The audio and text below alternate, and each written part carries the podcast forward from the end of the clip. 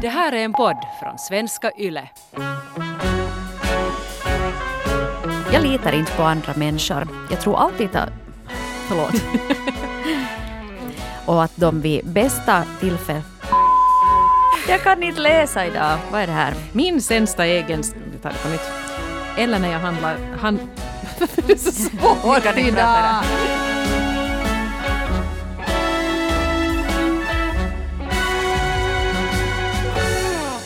Hej relationspodden! Min sämsta sida är att jag svär när jag är stressad. Jag har lagt märke till det själv och också fått kritik för det här av andra. Jag försöker tänka på vad jag säger, men i kinkiga situationer kan det vara svårt att minnas, skriver signaturen Jolanda, 46. Jag är så med dig, Jolanda. jag, jag svär ju riktigt mycket hur jag får i nerverna. Okej. Och man skulle kanske tänka sig att, att jag som eh, radiopratare kan ha ett vårdat språk, vilket jag nog också kan. Och inte brukar jag ju svära nu. Jag tänker inte heller ge några exempel på mina favoritsvordomar. Men jag kan svära hämningslöst till exempel åt mina barn om de trilskas. De är, om jag riktigt tappar nerverna så kommer det en, en radig ramsa på ungefär tio topp svordomar. Ser du? Och det är ju kanske ingenting som jag är stolt över, men äh, det, är nu, det är nu som det är.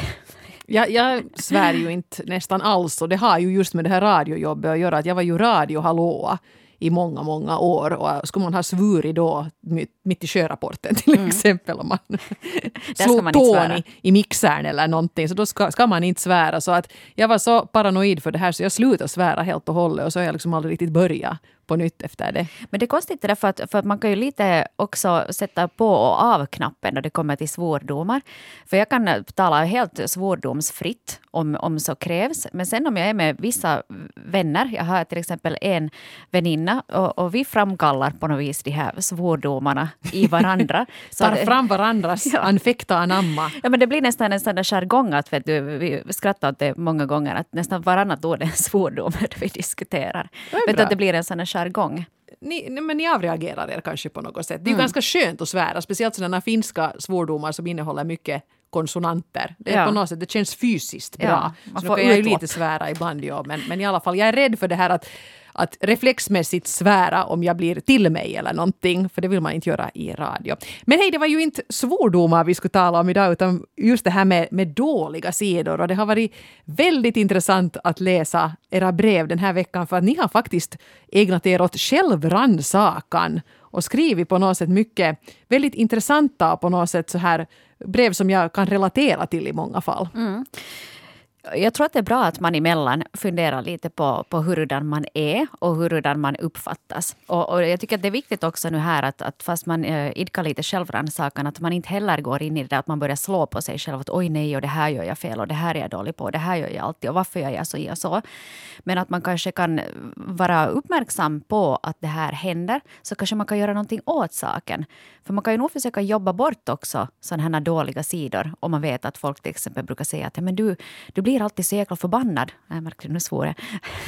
att du blir alltid så otroligt förbannad eh, då jag tar upp någonting med dig. Att, att jag är rädd för att fast eh, ta upp en konflikt med dig för att jag är rädd för din reaktion. Då kan du fast jobba bort den reaktionen.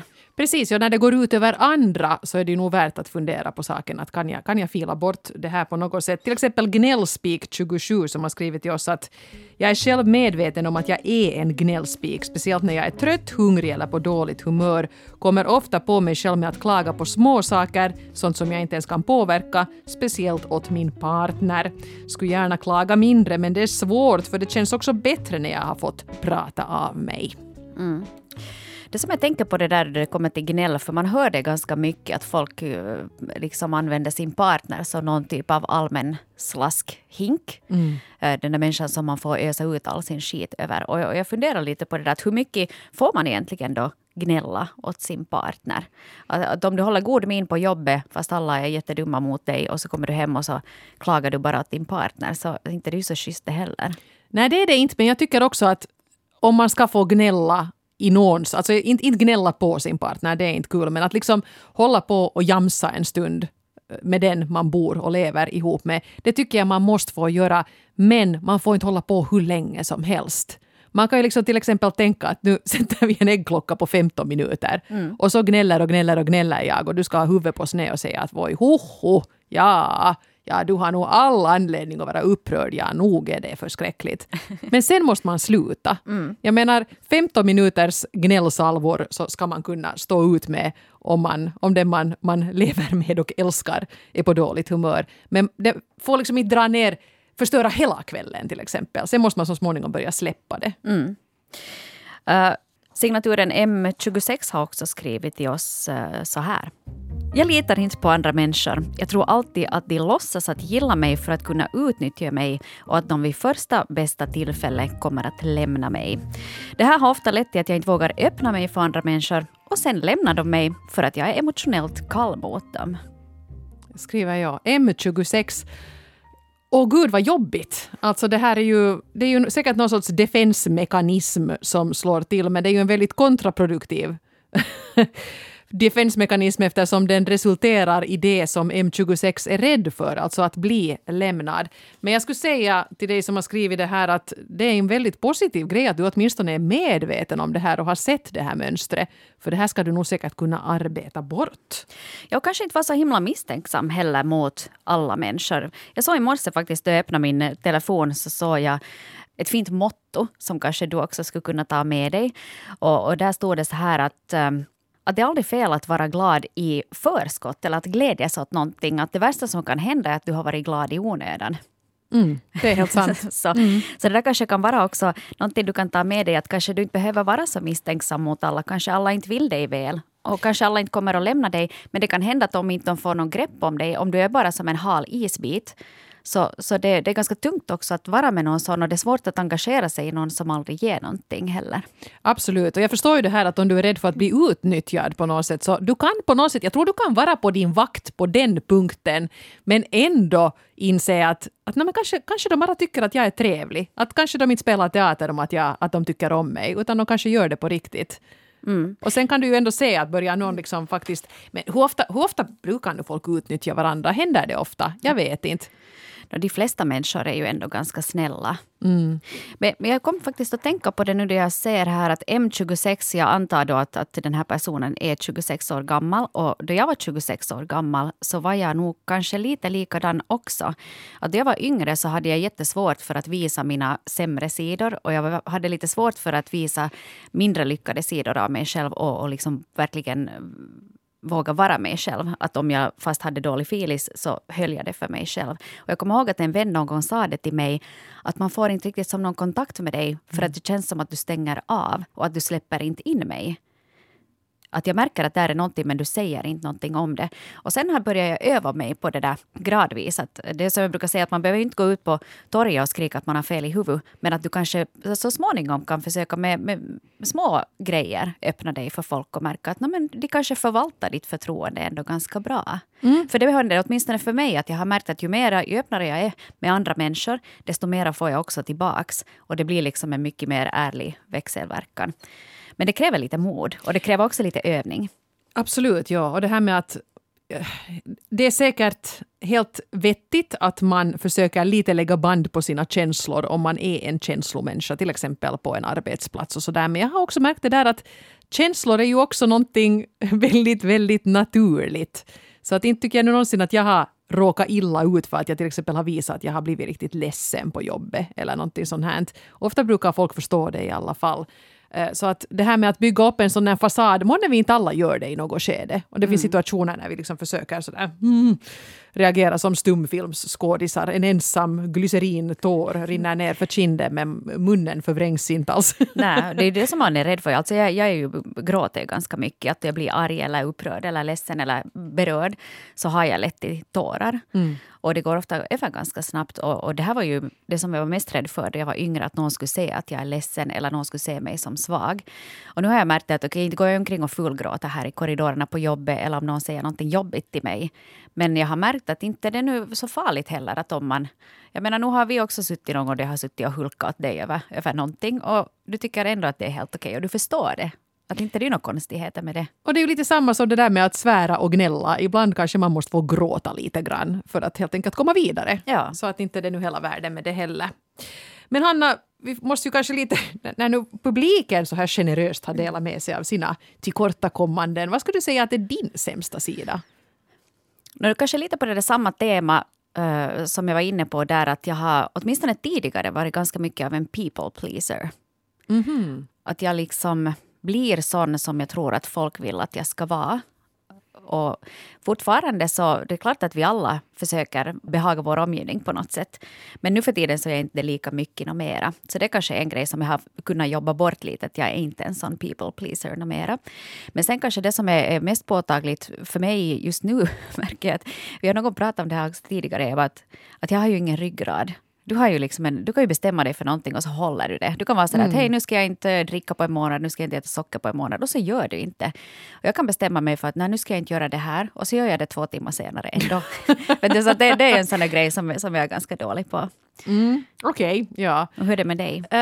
Li- ja, man har ju många, många, många dåliga sidor. Men också en del som jag vet att jag har jobbat bort. Jag menar, jag var lite inne på, på samma här resonemang som du med att tidigare var jag hemskt dålig på att tacka nej till saker.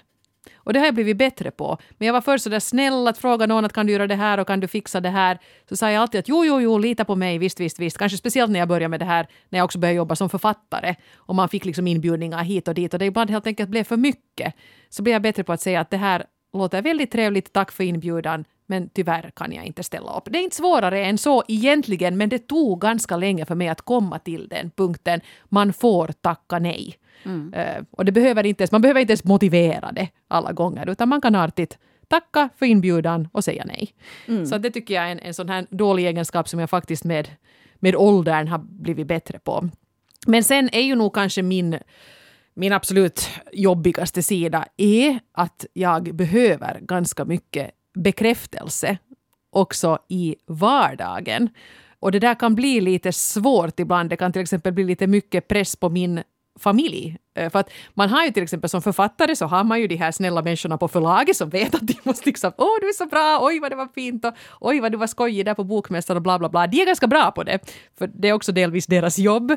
Men så här i det privata så kan det ibland bli lite sådär att jag kan bli hemskt sur till exempel om jag har lagat mat hemma och så sitter de helt tysta och äter och ingen säger någonting. Och då säger jag att smakar det illa då när ingen säger någonting? Sitter ni alla här i artig tystnad och försöker få ner den där maten och säger att nej, nej det är ju helt okej det här. Men att då kan jag liksom bli, jag vill ha den där bekräftelsen. Att de vet att det här har mamma lagat och nu ska vi berömma och tacka. Ja, det hör ju till god ton. Det. Ja, är det lite gör som- ju det i och för sig. Och Men det här var bara ett exempel. Liksom, att jag, jag vill ha på något sätt och det, det har inte att göra med heller så här, vet du, sociala medier, att jag måste få många likes om jag lägger ut en selfie. Alla måste säga fina, fina, underbara du. Det klarar jag mig. Det behöver ni inte skriva. Men, men det är kiva när vi gör det. Jag tycker inte att det är så kiva. Tycker du inte? Jag tycker det är lite fake. Ah, ja. Ja, jag, jag, jag behöver inte alls det där. Jag tycker alltid att det känns lite... Eller, jag, menar, jag förstår att skriver folk det till mig så är det en vänlighet, komplimang som vi pratade om i, i förra avsnittet. Men när jag ser liksom hur folk, någon byter profilbild på Facebook och så är det en massa kvinnor som går dit och säger och de har inte den där jargongen. De skulle aldrig säga till henne i korridoren här på Yle "Buji, buji, buji, buji, bu." Varför skriver de det på Facebook? Kanske för att de inte vågar säga det direkt. Eller Ja. sen att, att man kanske tänker att om jag inte säger någonting så säger det också något. Vet du, att om Jo, inte jag men- berömmer den så tyckte jag att det var inte Men så om du lyckad skulle den där säga, bilden. inte säger du ju till mig heller, du, du är bra på att bekräfta mig. Tack för det. Liksom sådär. Vet du, vi har kanske ett sånt här kontinuerligt utbyte. Och att man sätter en tumme upp och säger att oj vilken fin bild på dig. Det räcker bra för mig. Men det skulle vara hemskt konstigt om du skulle säga till mig eller du skulle säga någon morgon när vi ska börja podda här. Underbara gulligaste du! Jag var så att, men herregud, blir jag fem år helt plötsligt? Ja. ja, jag brukar ju inte säga så. Nu kommer ingen att våga skriva något snällt på Men- någon av mina bilder. Men jag sa åt igen. dig i morse då jag hämtade dig, så sa jag, för det första som jag sa till dig så var att ain't you a sight for sore eyes. Men du sa det lite flörtigt och skämtigt Ja. och sådär, så det var ju kul och jag blev väldigt glad. Men du sa ju inte sådär Underbaraste Nej. fina du som står där och Nej. väntar i snödrivan. Åh. Nej, det, det är för smörigt, det kan vi inte ha. Det kan vi inte ha. Det här blev, förlåt, en liten parentes. Det blev men en du, det liten där var parentes. ganska skönt. Här kom också en av Evas negativa sidor fram. Att hon jagar upp sig över sånt här. Jag visste inte. Så nu, vi har ändå känt varandra länge, så man lär sig nya saker. Även vi, fast vi, vi känner varandra men väl. vad var vi? Jo, jag, jag, jag pratade om mitt bekräftelsebehov och där ser du att det är komplicerat för det ska bekräftas men det ska bekräftas på rätt sätt. Just det, så man kan egentligen inte vinna med dig. Nej. och det här får, måste jag ju försöka arbeta med. Att jag Mm. liksom inte får... Jag måste ju vara tillräckligt stark och kunna bekräfta mig själv och bara säga att, att det här blev bra. Fast ingen nu kommenterar så oj, det var en god gryta jag har kokat. Bra, Mm. Ja. hyvä minä. Liksom, och inte alltid vänta på att någon annan ska göra det. Så det är ju kanske det som är min utmaning då. Ja, och det är ju lite det som är idén med hela det här avsnittet också. Att, att fast man rannsakar sig själv och, och då kan det lätt bli att man fylls av åtminstone en viss mån av självförakt stundvis. Att man, att man använder det till någonting konstruktivt, att man sen kan jobba på det lite. Hej, vi skulle kunna ta och gå vidare med storyn här. Här kommer eh, in ett eh, ljuvligt men också hemskt brev av signaturen eh, Isprinsessan. Min sämsta egenskap är att jag blir kall och osympatisk när någon kritiserar mig eller när jag hamnar i en konflikt. Andra börjar gråta, har svårt att hitta orden och så vidare, men där står jag bara och ser iskall ut och hugger direkt när någon påpekar någonting. Vet av det här mycket väl och jag jobbar på att tona ner den sidan hos mig, speciellt nu sen barnen börjar bli större och vi faktiskt har konflikter. Det är inte så bra att som mamma stå och se helt skrämmande kall ut åt sina barn. Mannen däremot har fått sin beskärda del av detta. Han har kunnat sitta och gråta i soffan och i andra ändan sitter isprinsessan själv med en uppsyn som förmedlar “Varan sitter du där och gråter för din tönt?” Åh, jag låter så härlig att leva med. Jag har nog bra sidor också, jag lovar, skriver isprinsessan. Varan sitter du där och gråter, din tönt. Ja, det... Mm, mm. Ja, det, du får, det, det kan du ju inte göra. Man Nej. kan inte göra så. Men det här tycker jag också att det, jag undrar om det här lite är en kvinnlig grej det här. För att jag tror att vi är ganska många som, som vi var inne på, speciellt så här i professionella sammanhang, försöker dämpa våra känslor. Man vill inte börja gråta på de där arbetsmötena. Så man har försökt lära sig det här att jag ska liksom vara väldigt liksom, stenansikte och inte visa vad jag känner. Och sen när man har lärt sig det så kan man inte stänga av det när man kommer hem och, och gnabbas med, med sin partner och sina barn. Utan att man är liksom inne i sin konfliktmode och då blir man sådär vita häxan. Ja, och vissa eh, fungerar ju helt enkelt så att man i en konflikt att man stänger av. Att man eh, helt enkelt eh, ja, man bara liksom ställer sig utanför den där situationen känslomässigt och på det sättet uppfattas som väldigt kall och distanserad, vilket man också är. Precis. Men man tror att man är Kamala Harris. I'm speaking. Och så går man vidare. Ja. Men det är ju inte så bra när det är barnen som gnäller om någonting. Nej. Men hej isprinsessan, nästa gång din man sitter och gråter i soffan så kan du inte för min skull ge honom en kram. Fast hur det skulle ta emot, för han behöver nog en kram då. Mm, så är det. Ja. Men åtminstone, som, som vi konstaterar här till någon annan också, steg ett är ju nog det här att man är medveten om problemet och kan sätta ord på det. Men ja, jag vet inte vad man ska göra, för jag tror också att det är ganska bra ibland att kunna vara den där isprinsessan. Det är tryggt för en själv, men kanske inte i privata sammanhang. Nej. Ett bra brev där. Intressant. Det är faktiskt flera som har skrivit om det här med konflikträdsla. Här var en som hade precis det motsatta problemet att hon alltid börjar storgråta. Konflikt som konflikt. Och det är ju också jobbigt och det är kanske ännu svårare att göra någonting åt. Det är nog svårt, för jag, jag har nog problem med det där. Eh, nå, nu har jag ju haft så harmoniskt här på jobbet under de senaste åren. Ja, här är ju ingen. Och alla är så snälla med mig så det har inte blivit liksom riktigt några konflikter där. Men jag har nog lätt att jag blir berörd just att det kommer tårar. Och, och det är ju någonting som man skäms för lite. Mm. Men vet ni, jag har nog bölat här på jobbet också så folk har sittit. Och det må nu så vara. Och det må nu så vara. Så är det ibland. Hej, ska vi gå över till en kategori av människor som jag tror att vi alla har mött i något skede av livet. Och kanske lite er själva också. Ja, det kan ju hända. Nämligen besserwissern. Signaturen Faktanörden skriver så här. Jag har själv upptäckt att jag kan vara en irriterande besserwisser när det gäller faktafel. Om någon till exempel påstår att Barcelona är Spaniens huvudstad så måste jag ju berätta för henne att det här är fel. Men mina tillrättavisningar kan även gälla mindre viktiga fakta såsom på vilken bar vi faktiskt var den där gången då det där hände. Jag anser mig själv vara en person med långa sociala antenner och försöker därför vakta min tunga ifall faktafelet i fråga inte spelar någon större roll. Men jag tycker det där låter ganska bra. Eh, Jag tror ju nog vi alla är besserwissrar i en viss mån. Jag menar om någon nu sitter och säger liksom något som bara är fel, som att Barcelona då är Spaniens huvudstad, så det, är lite dumt om den här människan lever i den tron. Det heter faktiskt Barcelona. Barcelona, okej, förlåt. Ja, ja. Ja. ja. men det, det, kanske, man måste lite sådär choose your battles där.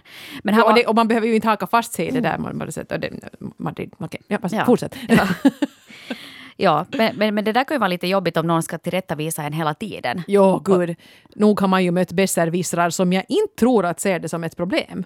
Eller, Nej, de ja. tycker bara att de är så mycket smartare än alla andra. Ja. Att de måste liksom dela med sig av all sin kunskap. Gud har placerat mig här på jorden för att jag ska kunna gå omkring och educata folk. Jag ska, så bra. jag ska ösa ur min visdomskälla. Ja, men jag tycker också att man kan ju vara besserwisser på sådana områden var man faktiskt vet bättre. Att till exempel, no, jag, jag är ju liksom nu då Eurovisionsexpert. Inte nu kanske den största, men en ganska stor. Och eh, om då folk börjar argumentera med mig om olika saker som jag har bättre koll på så tycker jag ju inte ens att det är besserwissrande att jag rättar till dem och säger att "Nå, nu var det ju inte så utan det var ju så här. För det kanske jag råkar veta. Jag kanske var där. och, och så här. Men sen finns det ju de som ska vara besserwissrar på alla områden. Hela tiden. Alltid vet bättre. Ja, eller fast de inte ens vet bättre så säger de det ändå. Ja, och, och inte riktigt ger sig heller utan fortsätter, fortsätter och till och med fast de själv säkert har insett att men jag har ju nu faktiskt fel så kan de inte släppa det. Och vara så att du har rätt, jag har fel, nu går vi vidare. Ja. Och, och det där tror jag kanske också lite är en åldersgrej för att en sak som jag vet också en dålig egenskap som jag har arbetat bort att när jag var i 20-årsåldern så hade jag jättesvårt att erkänna att jag inte visste saker och inte kunde saker. Jag var mera inne på det här fake it till you make it, liksom att jag skulle om nu någon bad mig göra något på jobbet så tänkte jag att okej, nu måste jag ta reda på hur man gör det här. Istället för att med en gång säga jaha, och hur gör jag det? Mm. Jag vet inte varför det var så svårt, men man ville väl, man ville väl visa att man var duktig på Ja, något sätt. och då du, är 20, fiffig. ja, då du är 20 så är det jätteviktigt för dig Ja. att, att du verkligen liksom kan visa fram fötterna på jobbet. Att man vill ju inte visa svaghet där. Nej. Och nu är det ju också ganska skönt när vi inte mera är yngst på långa vägar här på jobbet och man kanske ibland pratar med någon yngre kollega som pratar om någonting som jag inte har en aning om. Så det är mycket bättre att jag frågar, men vad är det här nu sen? Att kan du förklara för tant? För, för jag, jag vill veta, men, men det här har jag nu liksom inte snappat upp. Men jag kan också sitta på, på lunch med, med unga sommarjobbare också och lyssna på deras resonemang och tänka att hoho, kära barn, ni vet ingenting om livet. Gather round så ska jag- jag tant Hanna vill- berätta åt er. Men skulle du alltid säga det högt så skulle de nog inte vilja gå på lunch med tant Hanna. Men alltid när de har något problem så skulle du säga att ja, sen när ni har levt så länge som jag så Ja. kommer ni att förstå hur ni ska göra. Sen då ni har egna barn eller sen då ni fyller 40 eller sen då ni har köpt er bara. första bostad. Att oj, jag minns då jag var 35. Nej, precis, men det kan ju också bli ett utbyte om du sen ändå är sådär att vad är den här appen vad man nu bara ska höra på när folk pratar och är det nog roligt det nu då? Ja, och då kan man alltid... Då kanske de kan förklara det åt dig. Ja, men jag tror det här med att vara en besserwisser så, så där måste man kanske fundera lite på att vad är viktigare för dig? Är det det att du eh, framstår som kungen av all kunskap eller är det viktigare att du kanske framstår som mer sympatisk? Att kanske du kan svälja vissa av de där kommentarerna om du märker att, att det blir för mycket. Eller sen då du är i en sån situation där du faktiskt kanske inte riktigt vet. Det var också här eh, en besserwisserbrud som hade skrivit att, att eh, hennes psykolog eh, påpekar att hon verkar vara en besserwisser ibland, men den här besserwissern tänker att psykologen har fel. Ja. Ja. Ja, nej men det besserwissrande är ju nog en, en egenskap som kan gå en på nerverna ibland. Och har man sådana tendenser själv så inte tycker jag man måste helt sluta med dem men man måste ändå på något sätt lite, lite välja de situationer där det är värt att gå in och, och korrigera och argumentera emot. Så att man inte gör det hela tiden för då orkar ingen med en. Mm. Hörrni, i sådana här eh, vardagliga situationer så kan ju också ens eh, sämsta sidor komma fram och eh, Håkan har skrivit in om en sån situation. Eh, Håkan, som snart fyller 70, skriver Min sämsta sida kommer fram när jag står och väntar på min tur i en kö. Och det tar lång tid. Mardrömmen är när den som blir betjänad har ett ärende som leder till att personen som betjänar måste gå iväg och kalla på någon annan och sen står de alla där och dividerar tillsammans medan min frustration växer. Jag undrar om det här är en sån där Karasak. Då jag var barn så, och vi var och veckohandlade med familjen så Mm. satte min pappa en familjemedlem i varje kö för att se vilken kö som går snabbast framåt. Ja, och sen kom han dit med sin kundvagn. Pappa, har du skrivit brev till oss? Kallar du dig Håkan nu för tiden? Ja. Ja, men där märker man ju just att man kan ha... Jag tror att sådana kösituationer, så där kommer nog en sämsta sida fram. För man upplever ju alltid att om du hamnar i en kö eh, bakom någon som eh, det sen börjar ta länge, att de har glömt att väga sina bananer eller vad det nu sen kan vara, så, så upplever du på något vis att, att det här är orättvist mot dig. Fast du inte ens har bråttom någonstans. Nej. Jag kan komma på mig själv också, precis som Håkan, att stå i en kö och vara helt supersur, fast jag inte har en enda, jag behöver inte vara någonstans före om 12 timmar. Jag måste nog säga att det är en situation också där, jag ska inte nu säga vem, men en person i min närhet som också kanske småningom närmar sig 70 eh, påminner ganska mycket om Håkan och det här kommer framförallt fram på flygplatser. När man köar till check-inen och speciellt kanske när man ska hem från något. Jag menar, här, här i Finland brukar det ju gå ganska smidigt nu för tiden och det är så att alla står i en kö och så blir det en tur när det nu blir en tur. Men till exempel om man ska hem från något Kanarieöar eller någonting så är det ofta många köer och det är folk som har jättekaotiskt med ba- bagage och de har barn som springer omkring och de har inte plockat fram passerna Och fast inte man ska packa ihop sina barnvagnar. Och, Nej, nej, ingenting är inne i de där påsarna. Och den här personen då i min närhet mår så dåligt i den där situationen. Och så går ju förstås den där kön bredvid snabbare. Ja. Och nu byter vi. Nej! Och nu börjar den där första kön gå snabbare. Oj, oj, oj! Och det blir ju en så... Jag menar, ingen tycker ju om att köa. Det är inte speciellt roligt att köa, men det måste vara så jobbigt att vara den där som, som blir riktigt liksom rosenrasande i den där situationen. ja, det går ju inte snabbare för att man får i nerverna. Nej, Men, nej. Men det, jag förstår det där. Och, men där är nog också på resor, det kanske vi måste tala om sen vidare i ett annat avsnitt, men det med hur man beter sig på resor. Att jag tycker på resor är det ens skyldighet att försöka hålla humöret uppe. För ingen tycker att det är kul att stå och köa. i- Speciellt inte hemresan när Nej. allt roligt är över och det ännu är lite jobbigt och sen är man hemma Ja. igen. Så det, då är alla lite deppiga. Ja. Så då ska man måste på något sätt ändå tänka att nåja, Ja. kan, kan vi gå och köpa lite godis i den här kiosken här bredvid? Kan vi hitta på någonting som, så att vi kan hålla humöret uppe? Ja, ja, Ska vi nog- leka en lek? Men jag tror du, är, du försöker nog alltid hålla humöret uppe du Eva. Och jag tror jag är likadan också i sådana sammanhang. Att jag börjar inte stå där och jomma. Nej, nej. Jag, menar, jag, jag kan ju bli fruktansvärt arg, men inte i de där situationerna. Utan då brukar det vara sådär att "Nå, men jag gillar läget, det går nu som det går. Och knappast var det där planet iväg utan mig, för jag var ändå här i tid. Och så vidare. Eh, vi skulle kunna prata om trafik också, för jag tror att de här Håkan-personerna kanske jagar upp sig i sådana situationer också. Ja, kanske vi måste ha en liten sån här anger management stund i något skede. Håkan, håll ut, håll ut! Du har mina sympatier var gång du köar. Vi skulle kunna ta ett avslutande brev här ännu som har kommit in från eh, signaturen Förlåt 55. Jo, förlåt skrev här eh, en god poäng att man måste ju kanske lite skilja på det här med att eh, dåliga egenskaper som irriterar en själv och sånt som irriterar ens omgivning. Och, och den här personen skriver att ganska mycket bannar hen sig själv över sånt som att varför måste jag alltid äta någonting när jag sitter vid datorn eller kan jag nu bara sluta spela det där dumma telefonspelet som stjäl en massa tid. Men sen är det då den här andra kategorin, sånt som irriterar andra. Jag har bestämt mig för att verkligen jobba på det här. Jag är superstolt och jag är värdelös på att säga förlåt. Och det här driver min partner till vanvett och nu efter 31 år tillsammans så har jag ju insett hur dum och barnslig jag är. Att inte kunna säga förlåt. Det är ju nog säkert något av de, de svåraste orden att säga. Mm. Och jag kan känna igen mig i det där att man är, man är lite stolt och man kanske inte vill ge den andra rätt. Men ibland så är det ju så mycket enklare om man bara kan då man vet att okej, okay, jag, jag var lite oresonlig eller att jo, jag sa lite fult. Så att man då säger att nej men hej, förlåt, det, det blev fel. Jag menar inte det förlåt, det blev fel. Och sen kanske också ibland säga förlåt fast man fortfarande nog tycker att man hade till exempel orsak att bli arg. Men att man blev arg på ett jobbigt sätt. Ja. Att det blev en jobbig situation. Då måste man kunna säga förlåt. Förlåt är liksom inte att medge att den andra hade rätt och att man själv hade fel nödvändigtvis. Nej. Utan man kan säga förlåt, det här blev helt tokigt. Förlåt att jag skrek. Ja, det är ganska enkelt. Och, och där kanske det är lite samma som det här med att, att, att man vågar öppna sig för andra, som vi talade om tidigare, är det här med att, att man måste kanske öva sig, att man kanske inte blir en expert på förlåt direkt.